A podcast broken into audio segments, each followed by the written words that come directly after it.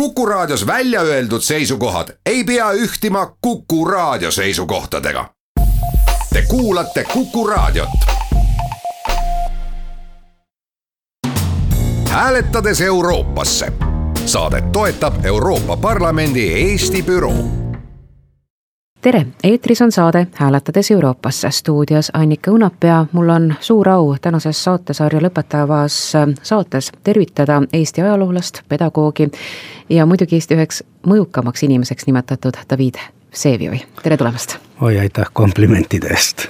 Neid on ju alati hea kuulda. seda küll, aga kui nad ei vasta tegelikkusele, siis on niisugune kimbatus, et ei tea, kuidas reageerida, aga ikkagi aitäh kuid meie saate sisuks on ähm, tänase veerandtunni jooksul arutleda Euroopa Liidu eesmärkide, väärtuste üle ning mõelda ka sellele, millise suuna liit võib võtta ja kuidas igaüks meist saab sellele kaasa rääkida, sest käimas on Euroopa Parlamendi valimiste aeg eelhääletamine maakonnakeskustes riigi valimisteenistuse määratud jaoskonnas küll eilse seisuga lõppes, kuid eelhääletamine kõigis valimisjaoskondades algab täna paari tunni pärast ehk kell kaksteist.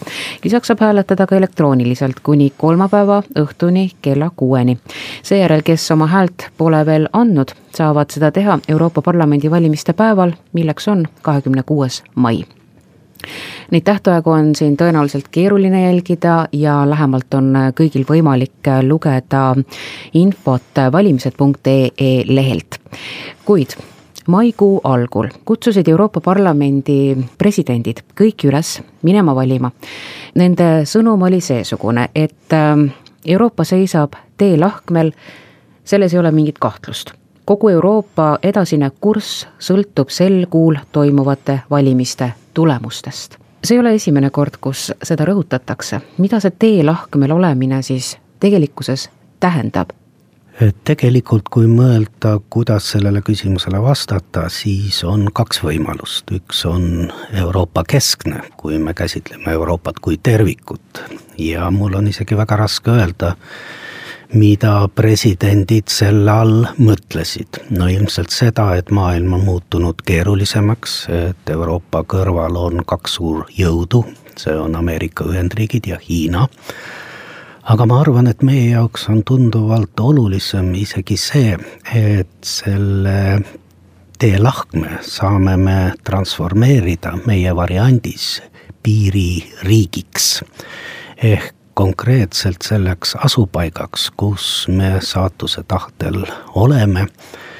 ja see panebki meid, või vähemalt minu soovitus on, kui me räägime teelahkmest, siis oleks võib-olla mõistlik ja seda ma olen alati soovitanud, võtta kätte Euroopa poliitiline kaart ja üks asi on Euroopa saatus kui majandusjõu saatus ja ma ei kujuta ette, et ka need oponeerivad suured jõud võiksid meile kujutada Euroopale kui tervikule mingisugust sõjalist ohtu. aga kui me vaatame, kus meie paikneme Euroopas, siis see on tõesti, see on tsivilisatsioonide piirijoon ja kui Euroopa teelahkmel olles hakkaks murenema siis ju tavaliselt, mida tähendab murenemine, kui mingi müür mureneb, siis hakkavad sealt kukkuma alla need tellised, mis paiknevad kõige äärmuslikes positsioonides. ja meie olemegi tinglikult see tellis. Ja sellepärast Euroopa ühtsus, Euroopa stabiilsus, Euroopa tugevus on meie jaoks mitte lihtsalt küsimus, vaid see on meie jaoks eksistentsiaalne küsimus ja vot see on ka probleem või teema või miks Euroopa valimised seekord on meie jaoks tunduvalt olulisemad, kui nad olid eelmised korrad. jah, siis oleks võinud põhimõtteliselt mitte minna, sellepärast et nii otseselt kui seekord pole olnud Euroopa saatus või Euroopa tulevik ja meie tulevik omavahel kunagi seotud. Kuid paraku Euroopa Liit on tõepoolest olukorras ju, kus täna kasvamise, laienemise asemel toimub teatav siiski see mõranemine, lagunemine. ja seni ennast tõestanud ka Euroopa Liidu sellised ühised põhimõtted, eesmärgid, väärtused on teatavate gruppide poolt pandud ja seatud küsimärkide alla miks nüüd oleme me täna sellises olukorras, kus äh, see meie nii-öelda harjumuspärane stabiilsus on hakanud lagunema? no selleks on ilmselt väga palju erinevaid põhjusi. üks on aeg või need tulemused, mis tulenevad just nimelt ajast. ja aja all pean ma silmas mitte lihtsalt aega, vaid seda aega, mis on möödunud kas või Teise maailmasõja lõpust kaduma on ju hakanud see põlvkond, kes kujutas lõhenenud Euroopat mitte lihtsalt ette, vaid kes elas lõhenenud Euroopas. ja vähe sellest, et lõhenenud Euroopast, vaid ka sõdivas Euroopas. Ja mida see tähendab, mida see tähendab, kui riigid ei suuda omavahel kokku leppida. see põlvkond, need inimesed teadsid seda, teadsid tulenevalt oma kogemusest, neid inimesi enam meie seas ei ole teine on kogu see temaatika, mida me võtame kokku sõnaga populism.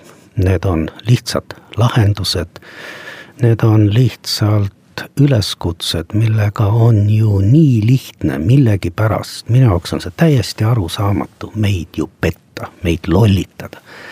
täpselt samuti, nagu seda tegi üks poliitiline jõud ja üks poliitik aastatel tuhat üheksasada kolmkümmend kolm, kolmkümmend neli kui Esimese maailmasõja lõpust oli ju möödas vaevalt viisteist aastat, kui peaaegu kõigil oli kummutitel isa, venna, poja pilt mustas raamis. tuli keegi ja ütles, lähme jälle ja väga paljud ju meist, jutumärkidest meist, oliks ju nõus jällegi minema. enam-vähem analoogiliselt samasuguseid lahendeid ju pakutakse meile et astume Euroopa Liidust välja ja probleemid lahenevad. Brexit meile näitas või näitab, et need ei ole nii lihtsad, need lahendid.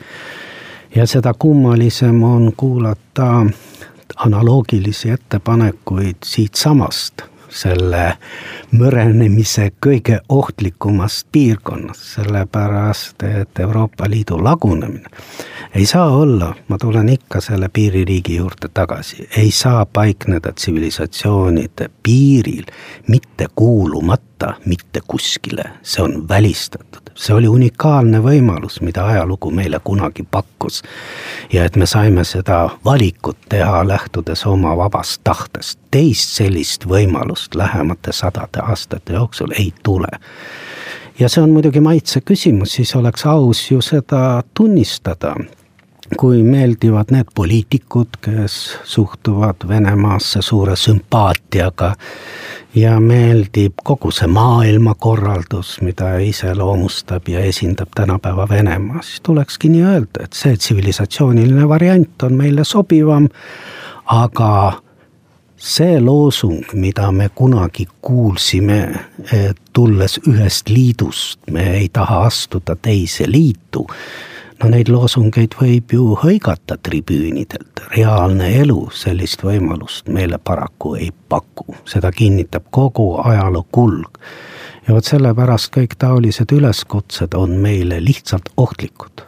ja kui me leiame, et mõeldes tulevikule et meie jaoks on suurem vaenlane ja kui meie juhtivad poliitikud ütlevad välja selliseid mõtteid, et Euroopa Liit on meile potentsiaalselt suurem vaenlane kui Venemaa, no need seisukohad lõpevad meie jaoks hukatuslikult. nii et ma ei ole mitte kunagi varem tegelikult tundnud nii suurt muret meie tuleviku pärast kui praegu. ja sellepärast ka osalemine Euroopa Liidu parlamendivalimistelt ei ole mitte lihtsalt niisugune sümpaatia küsimus, vaid osaledes nendes valimistel ja, ja võttes osa valimistest tuleks mõelda ka Eesti tulevikule. mitte kunagi ei ole need asjad olnud nii otseselt omavahel seotud teeme siinkohal saatesse pausi, kuulame ära väikese reklaami ja siis oleme juba stuudios tagasi, et rääkida Euroopa Liidu väärtustest ja ka Euroopa Liidu suunast, kuhu me oleme teel. hääletades Euroopasse. Saadet toetab Euroopa Parlamendi Eesti büroo oleme tagasi hääletades Euroopasse stuudios ja tänane külaline on David Vseviov. me räägime Euroopa Liidu eesmärkidest, väärtustest ja sellest, kuhu me oleme siis nüüd liikumas. üsna keeruline on võib-olla seda ette kujutada, kus me oleksime siis, ma räägin just Eestist, kui me ei oleks näiteks viisteist aastat tagasi liiduga ühinenud. olgugi tõesti, euroskeptilisus on võtnud praegu ka meil siinsamas riigis tuure üles, me ei pea enam näpuga näitama ungarlaste poole, poolakate poole, et no vaadake, mis teie riigis toimub. see kõik toimub juba meil siin. ja unustatakse sageli ju ära just need positiivsed küljed, mida me oleme sellelt liidult liidus olemisest saanud. kõige lihtsamad sellised äh, näited on tõesti see, et me täna saame liikuda riigist riiki piirikontrollita, me saame äh, minna tööle, õppima soovitud Euroopa Liidu teise riiki ja lisaks muidugi ei saa ju unustada kõiki neid äh, rahalisi toetusi, mille najal me oleme siin edasi kasvanud. kui nüüd natukene mõelda sellele kõigele, mis teie arvate, millised me oleksime või kus me siis nüüd täna oleksime, kui me oleksime viisteist aastat tagasi teisiti otsustanud? No kõigepealt, kuna siin sisaldus kolm küsimust, siis no. püüaks kuidagi alustada otsast. Ja esiteks see, et Euroopa Liit kui organisatsioon ei saaks toimida kuidagi efektiivsemalt. Ja et igasugune kriitika ja kõik märkused ei oleks asjakohased, seda ju mitte keegi kunagi ei väida, see on esimene moment teine on ju klassikaline sildistamine, me mõtleme välja midagi ja siis hakkame seda ründama. mina ei tea ühtegi poliitilist jõudu ja seda enam Eestis, kes väidaks, et Euroopa Liit oleks teel föderatsiooni suunas või et tegemist oleks liitriigiga. Nii et kuulutatakse, et olevat selline suund, kes seda väljendab ja sellepärast tuleb seda rünnata, sellepärast et eesmärk on riikide liit, aga mitte liitriik. kusjuures mitte keegi pole taolist soovi mitte kunagi väljendanud ja kolmas niisugune moment, mida ma olen alati soovitanud või eksperiment isegi, mida ma olen soovitanud ja läbi viinud koolilastega. ja vahel on natukene kurb, et sa pead tegema täiskasvanud inimestega või soovitama teha sedasama, mida tehakse viiendas klassis ja see eksperiment on järgmine, et kui te koolis, see puudutab ajalootundi näiteks vaataksite ringi ja mina ütlen teile, et praegu mängult on meil aasta tuhat üheksasada seitseteist, no näitena, seitseteist pole võib-olla hea, seostub revolutsiooniga, võtame mõne parema aasta, tuhat üheksasada kolm, ja hakake oma kodus, vaadake seal ringi ja hakake kaotama kõiki neid asju, mida lapsed, te arvate, et aastal tuhat üheksasada kolm ei olnud. Ja siis tuleb pikk nimekiri, ei olnud telefoni, ei olnud arvutit, ei olnud seda, ei olnud televiisorit ja nii edasi, nii edasi, nii edasi, nii edasi. ja vot sama soovitust võiks ju pakkuda ka siis täiskasvanud inimestele, et kaotage Eestist kõik asjad ära, mis siia on tekkinud tänu Euroopa Liidu rahalistele toetustele ja milline siis Eesti näeks välja?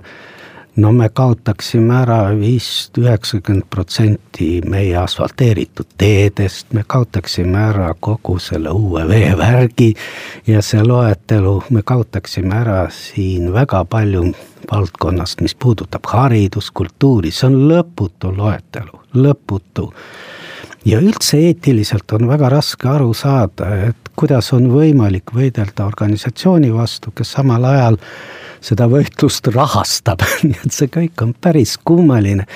ja vot sellepärast seda situatsiooni, situatsiooni, mida me saame ainult ju kuidagi läbi mängida, milline oleks Eesti kuulumata Euroopa Liitu no lähtudes juba sellest, mida me rääkisime eelnevalt, kuuluks ta tõenäoliselt ühte teise liitu. ma toon ühe huvitava näite ja ma sain sellest lahti nüüd võib-olla küll juba kümmekond aastat tagasi.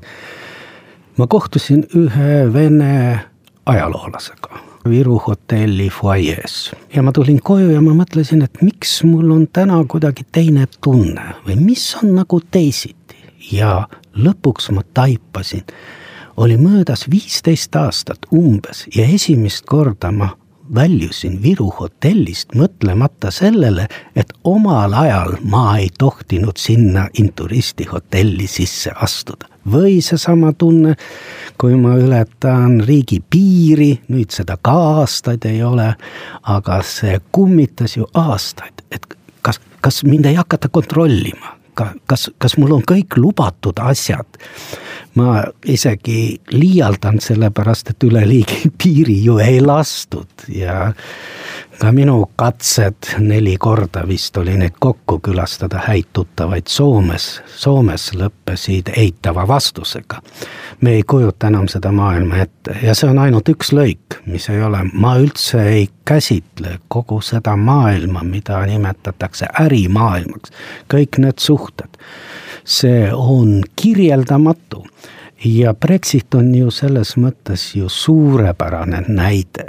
Ja me peame ka silmas pidama meie võimekust ise toime tulla võrdluses Suurbritanniaga, kus elab kümnetes kordades rohkem inimesi ja majanduslik võimekus, seda vist võiks juba mõõta sadades kordades. Need on ju nii erinevad asjad ja ikka on probleeme paraku on niimoodi tõesti, et ähm, head asjad kipuvad ununema no praegu ju euroopalike väärtuste küsimus äh, tekitab üldse palju kära diskussiooni.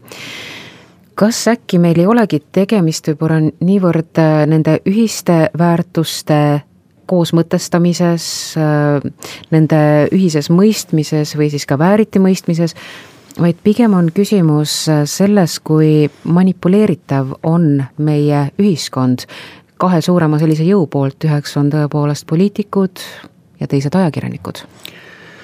no ma ei tea, kas just nemad on need peamised süüdlased, sellepärast et võib-olla süü langeb ikkagi väga paljus nendele, kes ongi manipuleeritavad, sest see on ju meie teha. kas me laseme endaga mängida või mitte. aga suured-suured tänud, David, et äh, täna stuudiost äh, läbi astusite ja oma ajagraafikus jõudsite meile külla. ääretult suur rõõm oli kuulda teie mõtteid äh, selle teema osas, aitäh teile. aitäh kutsumast. hääletades Euroopasse. Saadet toetab Euroopa Parlamendi Eesti büroo